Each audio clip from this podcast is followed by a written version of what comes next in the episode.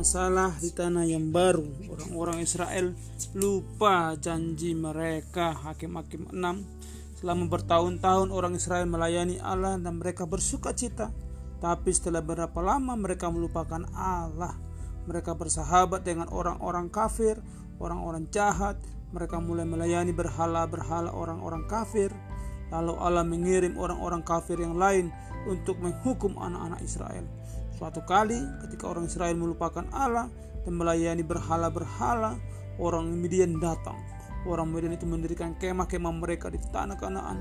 Ada satu pasukan besar tentara Midian. Anak-anak Israel takut sama mereka. Orang Israel lari ke gunung untuk bersembunyi. Mereka bersembunyi, sebagian tinggal di gua-gua. Orang Midian merampas apa saja yang dimiliki anak-anak Israel. Mereka merampas semua gandum, merampas jagung mereka, mereka tidak meninggalkan cukup makanan bagi anak-anak Israel. Lalu anak Israel berseru sama Tuhan sama Allah. Mereka memohon Allah menolong mereka dan Allah pun mendengarkan suara mereka. Ia mengirim pertolongan sama mereka. Ia mengirim seorang malaikat. Ada seorang anak muda namanya Gideon yang mempunyai sedikit gandum. Ia menyembunyikannya dari orang Midian dan mengiriknya. Sementara Gideon mengirik gandum, malaikat datang kepadanya Malaikat itu tampak seperti seorang pria yang membawa sebuah tongkat di tangannya. Gideon tidak tahu bahwa itu seorang malaikat. Orang itu berkata sama Gideon, Allah besertamu Gideon. Gideon menyaut, ih bagaimana mungkin jika Allah beserta kami mengapa semua kesusahan ini datang? Tuhan membiarkan orang media mencuri semua semua barang-barang kami. Orang itu memandang Gideon dan berkata, Engkau harus menyelamatkan orang Israel dari orang Midian. Uh, Gideon terkejut katanya. Bagaimana aku sanggup melakukannya? Jawab orang itu, sungguh aku akan menyertaimu. Gideon mulai berpikir bahwa orang itu pastilah seorang malaikat. Katanya, tolong beri aku tanda.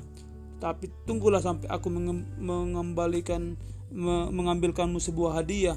Kata orang itu, aku akan menunggu. Gideon bergegas ke rumahnya. Dia membuat makanan untuk orang itu. Dia membawa daging, membawa roti dan membawa dan ada kuahnya.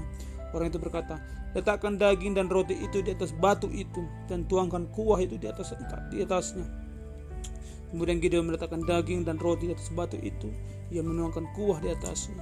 Lalu orang itu menyentuh makanan itu dengan ujung tongkatnya dan api keluar dari batu itu dan membakar makanan itu. Lalu Gideon tahu bahwa orang itu adalah malaikat, tapi saat itu juga malaikat itu pun lenyap. Tidak merasa takut kalau ia kalau ia mengingat malaikat yang berbicara samanya itu. Malam itu Allah berfirman sama Gideon. Dan Gideon terbangun malam itu. Ia menghancurkan mesbah yang dibuat ayahnya untuk berhala-berhala. Ia mendirikan sebuah mesbah bagi Allah bagi Tuhan. Dan dia pun menyembah Allah. Amin